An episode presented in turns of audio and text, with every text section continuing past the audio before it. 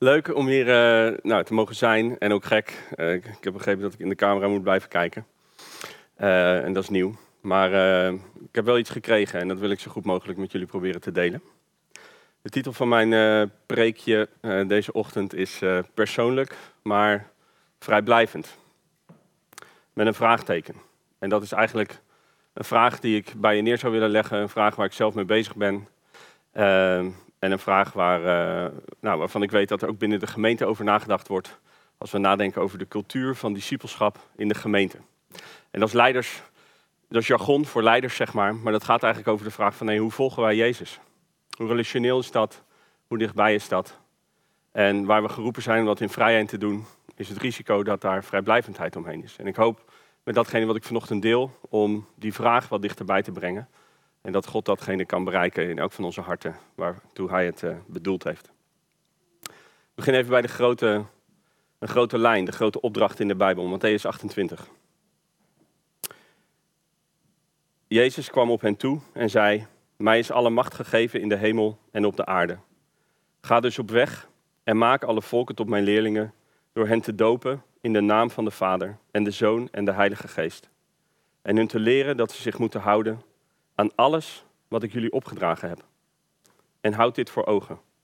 Ik ben met jullie alle dagen tot aan de voltooiing van deze wereld. Dit noemen we in de kerk de grote opdracht. En het gaat eigenlijk over het verlangen van God, zijn hartsverlangen dat alle volken, alle individuele mensen die hij gemaakt heeft, maar ook alle relationele verbanden, alle systemen die we met elkaar vormgeven in de maatschappij, onderworpen worden aan zijn heerschappij, aan zijn liefdevolle leiding aan zijn regering. En daartoe roept hij ons op, roept hij zijn eerste leerlingen op om helemaal ondergedompeld te worden in wie hij is. Het gaat over nabijheid, over relatie en om alles te doen wat hij ons heeft opgedragen. Nou, dit weten we. Het is een heel bekend, bekend schriftgedeelte. dezelfde bladzij, of één bladzij verder, in het eerste hoofdstuk van eh, Marcus, komen we het begin tegen. Wanneer Jezus begint aan zijn opdracht om discipelen te maken. De opdracht die hij later dus doorgeeft vlak voor zijn uh, hemelvaart aan zijn leerlingen. En dan staat er in Marcus 1, dan lees ik vanaf uh, vers, uh, even kijken, 14. Nadat Johannes gevangen was genomen, ging Jezus naar Galilea, waar hij Gods goede nieuws verkondigde. Dit was wat hij zei. De tijd is aangebroken. Het koninkrijk van God is nabij. Kom tot inkeer en hecht geloof aan dit goede nieuws. En dan in vers 17 staat er: Jezus zei tegen hen: Kom, volg mij. Ik zal van jullie vissers van mensen maken. Dus eigenlijk direct vanaf het begin dat Jezus ja, zijn publieke bediening begint en dat hij begint te praten over wie hij is en waarom hij is gekomen, wordt dit duidelijk. Hij zegt: Er is een andere tijd aangekomen, de tijd van Gods koninkrijk, een andere koning, andere regels. Verander. Kom tot inkeer. Het Griekse woord metanoia, wat gaat over een verandering van denken, een innerlijke verandering. Hecht geloof aan de belofte dat het een goede koning is en een goed koninkrijk voor jezelf en je omgeving. En in vers 17 dan, volg mij, want ik zal jullie vissers van mensen maken. Dus heel eenvoudig gezegd, jullie hebben een plek. Niet alleen een plek in de familie, maar ook een plek in de uitbreiding van het koninkrijk.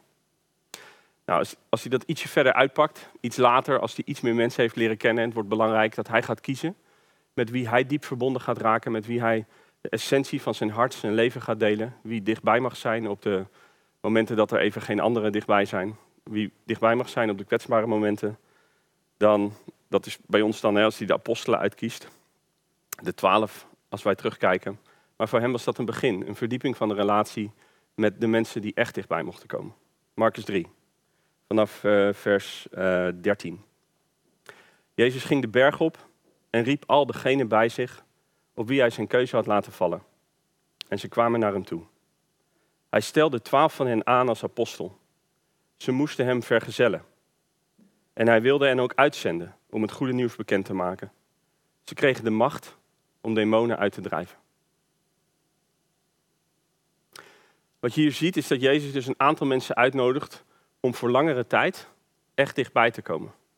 De NBG-vertaling zegt nog dat hij hen bij zich riep om met hem te zijn. Om intiem met hem te worden.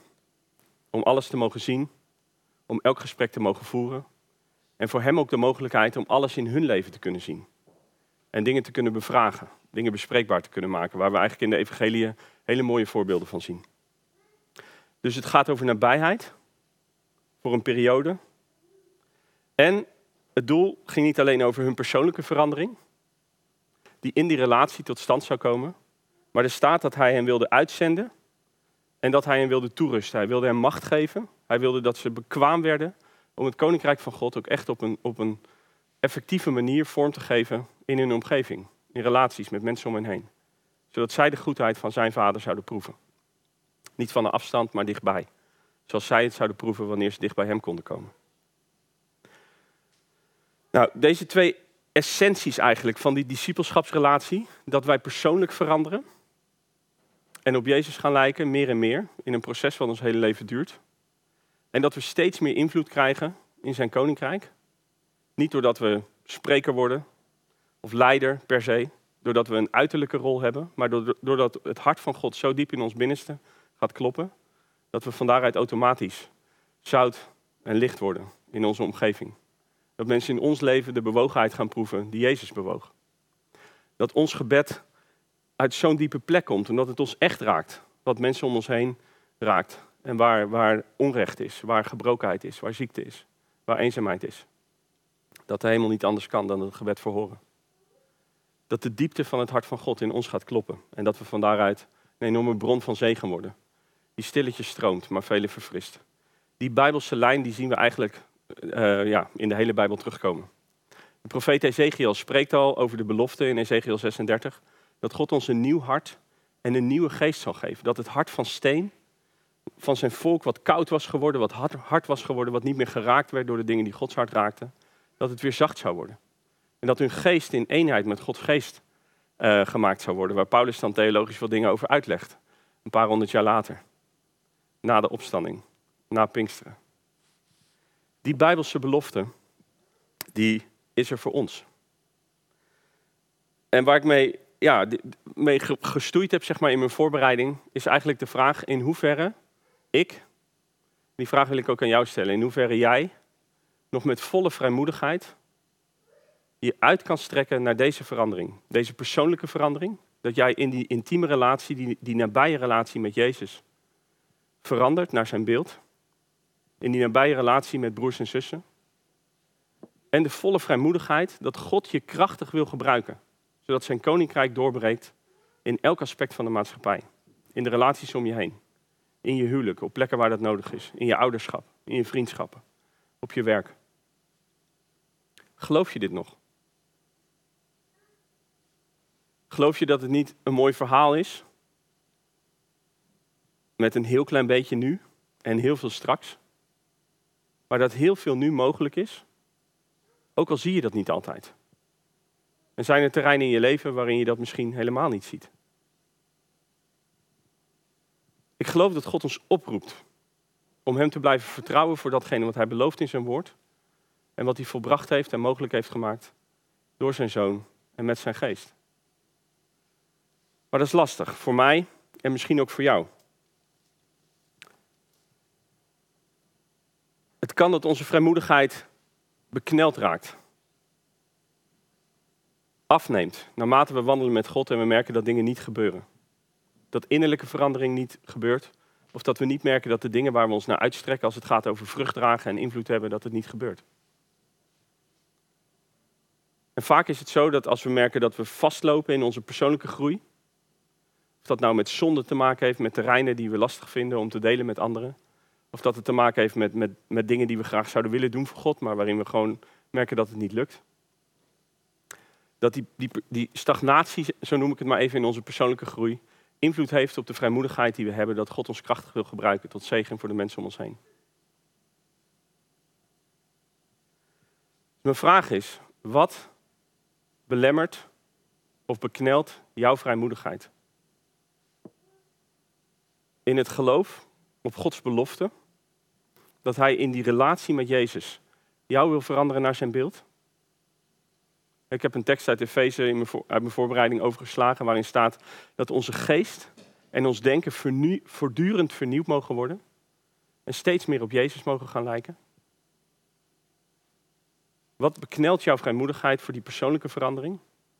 En of wat beknelt jouw vrijmoedigheid in relatie tot de grote opdracht en de belofte dat God zegt, ik ben altijd bij je. En mijn macht is, is met je en in je. En ik wil je gebruiken tot zegen voor je omgeving. Jij bent geroepen om mensen om je heen tot Jezus te leiden. Jij bent geroepen om de zieken de handen op te leggen zodat ze genezen. Jij bent geroepen om zo gebroken te zijn met de gebrokenen dat mensen niet eenzaam zijn in hun gebrokenheid. Maar dat je dichtbij bent en een bron van troost, ook al verandert misschien niet gelijk. Wat belemmert jouw vrijmoedigheid?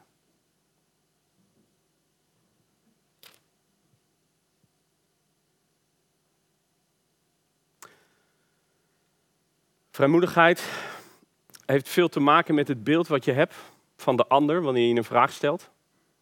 Als ik nu koning, de koning op zou bellen, dan verwacht ik niet dat ik hem aan de lijn krijg, omdat ik het beeld van hem heb dat hij mij niet kent. Dat klopt ook. Dat hij druk is met andere mensen en belangrijke dingen, dat klopt waarschijnlijk ook.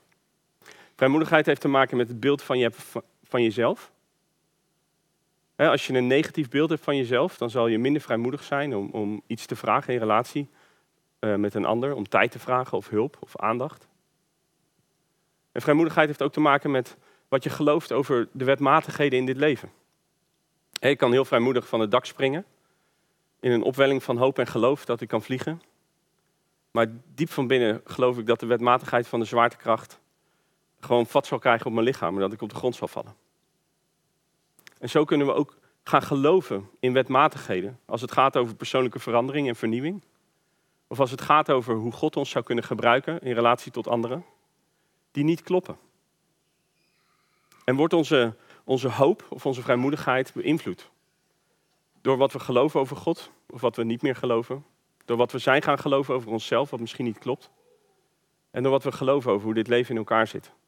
En hoe de komst van Gods koninkrijk hier en nu al mogelijk is, of niet?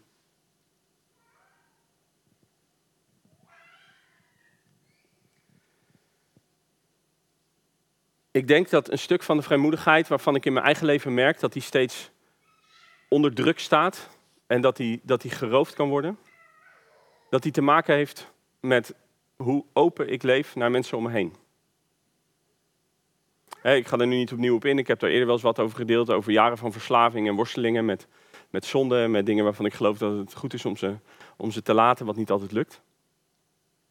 En op het moment dat dat gebeurde, of, of soms nog gebeurt, dan kan het zijn dat ik daardoor minder vertrouwen heb in het feit dat God gewoon graag wil dat ik dicht bij hem leef. En dat ik minder vertrouwen heb in het feit dat hij me krachtig wil gebruiken die dag of die week. En net als ik, heb jij misschien terreinen in je leven waarvan je merkt dat je ze liever wil verbergen. Dat je er liever niet over praat.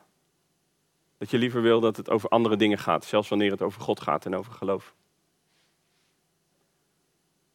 Maar het kan ook dat je vrijmoedigheid bekneld raakt doordat er gewoon dingen zijn waar je niet over deelt. Niet omdat je per se ervoor schaamt omdat ze slecht zijn, maar gewoon omdat je het niet gewend bent. Het zou kunnen dat, je, dat er dingen zijn waar jij over nadenkt of die je voelt, die je niet met mensen deelt, omdat je in eerste instantie niet weet met wie je dat zou kunnen delen. Dat er niet iemand zo dichtbij is en dat er voldoende vertrouwen is om datgene bespreekbaar te maken. De macht van het kwaad groeit in het donker. De grip die dingen die jou raken diep van binnen, op jou hebben, op je beeld van jezelf, op je beeld van God, op je verwachting naar voren toe. Die negatieve grip is veel sterker wanneer je daar in je eentje mee bezig bent, dan wanneer je het kan delen met broers en zussen. Het zou kunnen dat je het niet deelt omdat je geen hoop meer hebt. Je hebt het eerder wel gedeeld. Toen is er bemoedigd, er is gebeden. Maar ten diepste is er niet iets veranderd op de lange termijn. En nu is het gewoon te lastig of te pijnlijk om het opnieuw bespreekbaar te maken. Waarmee je aangeeft dat het niet echt veranderd is. Misschien deel je het niet omdat je niet tot last wil zijn. Omdat er iets in je zit, hè, dat, dat, dat, dat, dat blijft zeggen, zo'n innerlijke dialoog, dat de problemen van andere mensen of datgene wat zij moeten dragen eigenlijk belangrijker zijn die van jezelf. En dat je mensen dus niet wil bezwaren met datgene wat er in jou speelt. Misschien deel je het niet omdat je introvert bent. En omdat je ergens de gedachte hebt opgepikt dat het bij jou past om dit soort dingen in je eentje op te lossen en alleen zelf te overdenken. Wat het ook is, waarom het gesprek misschien wel in je hoofd plaatsvindt, maar niet meer in relatie met één of twee mensen die je vertrouwt, die Jezus volgen en die je daarbij helpen.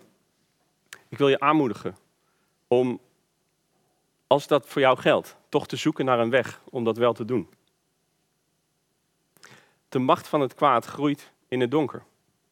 En dit gaat dus niet alleen over of jij wel of niet heilig leeft. Of jij wel of niet verder komt op een bepaald terrein van zonde in je leven, wat ook belangrijk is. Waar Bram vorige week ook dingen over gezegd heeft. Dit gaat over jouw invloed. Dit gaat over de vrucht die God door jou heen kan uitwerken. Dit gaat over de vertrouwdheid die in jouw leven kan groeien, waardoor andere mensen God kunnen leren kennen. De echtheid. Nou, wat zou het kunnen zijn? Misschien heb je het al lang in beeld. Tune dan even uit. Ik heb gewoon voor mezelf een paar dingen opgeschreven. En ze zijn niet exclusief. Het zou angst kunnen zijn die je lastig vindt om te delen. De meeste van jullie weten dat ik nou, met honderden studenten onderweg heb mogen zijn in discipelschap en pastoraat. Dus ik, ik, ik deel gewoon vanuit mijn ervaring. Veel jonge mensen die ik ken, die worstelen met angst, vinden het lastig om daar open over te zijn. En echt te zeggen waar ze bang voor zijn. Omdat er op de een of andere manier schaamte is dat ze dit eigenlijk niet zouden mogen voelen of geloven. Het zouden zorgen kunnen zijn. Het kan zonde of verslaving zijn. Hardnekkige patronen in je denken. Onzekerheid, wanhoop, suïcide, jaloezie, oordeel. Of vul de lijst maar aan. Die dingen die niemand aan de buitenkant ziet, maar die je wel zo kunnen beïnvloeden dat je vrijmoedigheid eigenlijk nog maar heel klein is. Ik dacht aan iemand die als die eerlijk is denkt, God boeit me eigenlijk steeds minder. En als je even stilstaat, dan registreer je het. Maar in de snelheid van het leven kan je er ook zo aan voorbij leven. En als je het registreert, laat je het dan bestaan? Of is er nog iets in je dat denkt, hé, maar ik zou eigenlijk willen dat het me wel weer raakt. Ik zou eigenlijk willen dat het me wel weer boeit. En met wie kan je daar dan over praten? Of als je werk, positie, carrière, geld eigenlijk belangrijk voor je is geworden en belangrijker dan je zou willen. Belangrijker dan God. Alleen jij weet het. Misschien denk je er af en toe over na. Maar met wie deel je het? Omdat je niet wil dat het over een jaar nog steeds zo is. Of over vijf jaar. Een voorbeeld uit mijn eigen leven is dat ik soms worstel met het feit dat ik echt diep verbonden zou willen zijn met mijn kinderen. Terwijl ik druk ben in mijn hoofd of druk met mijn werk. En dat ik hen voor zou willen gaan in een levende relatie met Jezus. Terwijl ik me afvraag wat ik daar feitelijk van bak. Als vader. Als voorbeeld in mijn gezin. Wie weet dat van mij? Zodat dat niet een, een, een terrein wordt van innerlijke veroordeling of van aanklacht, van schaamte. Misschien ben je steeds minder blij en dankbaar voor je partner. En ben je druk genoeg om dat elke keer weg te duwen. Maar is het goed om daar eens over te praten? En als dat spannend is met je partner, ook met een ander. En ik zou zeggen sowieso met een ander. Die in een oordeelvrije ruimte gaat helpen om daarin bij God te zijn. En om daarin een stuk vernieuwing van Hem te ontvangen. Wat beknelt jouw vrijmoedigheid? En waarin, als ik er zo wat woorden aan probeer te geven, zou je van jezelf zeggen dat je eigenlijk nu te alleen leeft, te alleen acteert? Ook heb je allerlei mensen om je heen.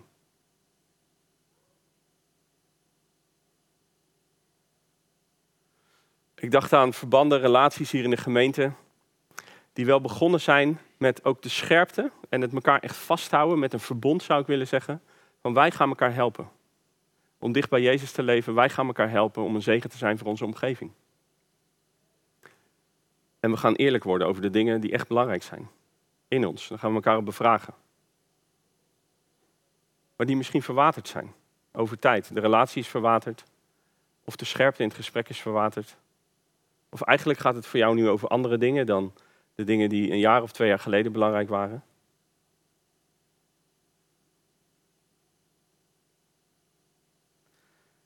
De reden dat ik hier vanochtend over spreek, en ik heb vaker over soortgelijke thema's gepraat, heeft te maken met ook hoe ik het gemeenteleven kan beleven. Misschien ben ik daarin de enige.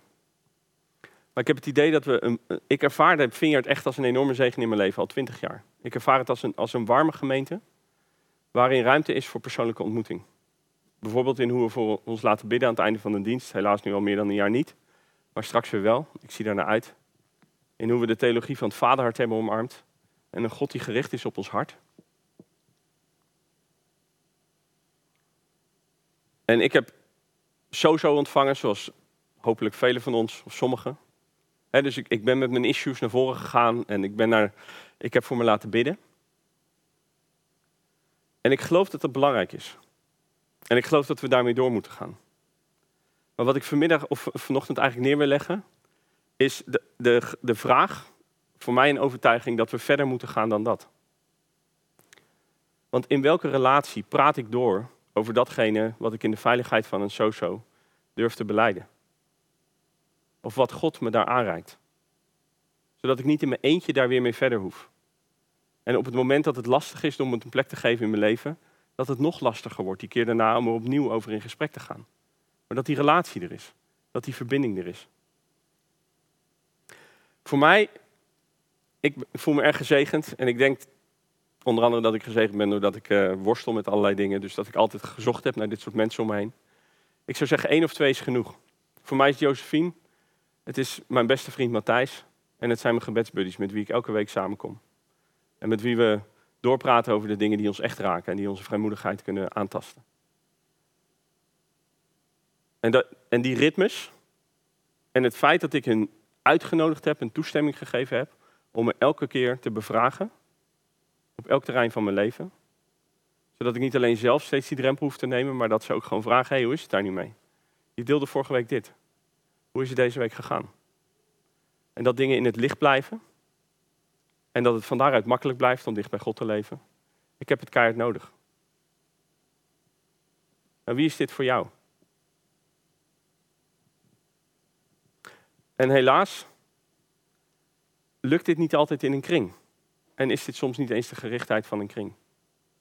Soms lukt dit niet, of voor een tijdje niet in je huwelijk. Maar ik geloof dat we allemaal die ander nodig hebben.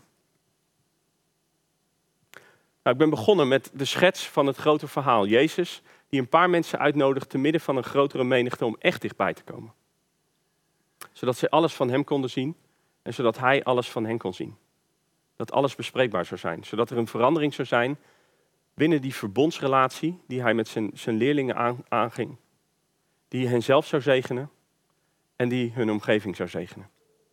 Steeds opnieuw en steeds krachtiger. Dat proces, daar nodigt de Bijbel ons in uit.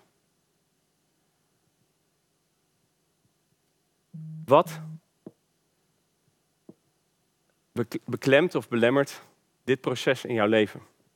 En als er iets is, en hopelijk is dat niet zo, maar als er iets is, met wie kan je daar dan de komende tijd mee aan de slag?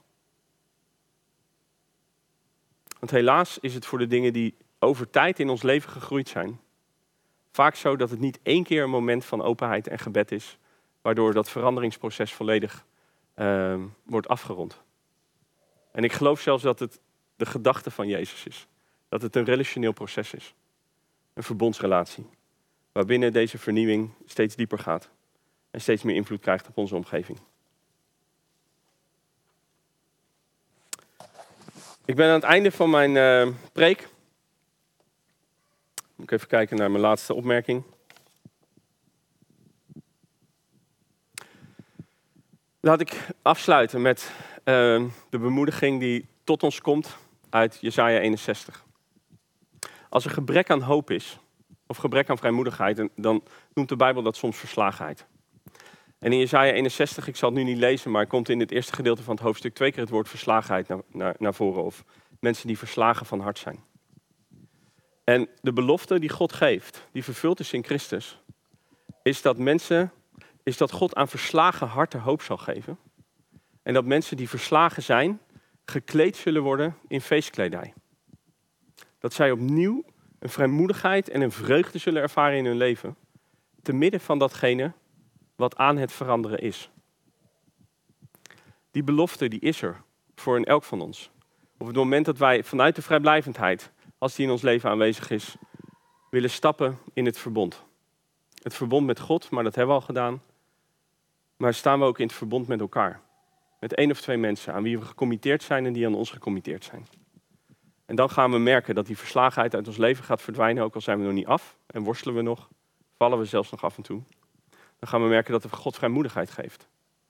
Zodat we echt gaan geloven dat we een zegen zullen zijn voor onze omgeving.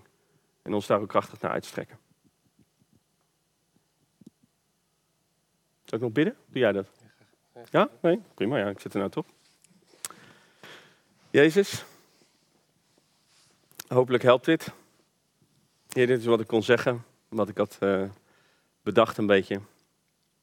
Ik bid voor mijn eigen hart, dat van mijn broers en zussen.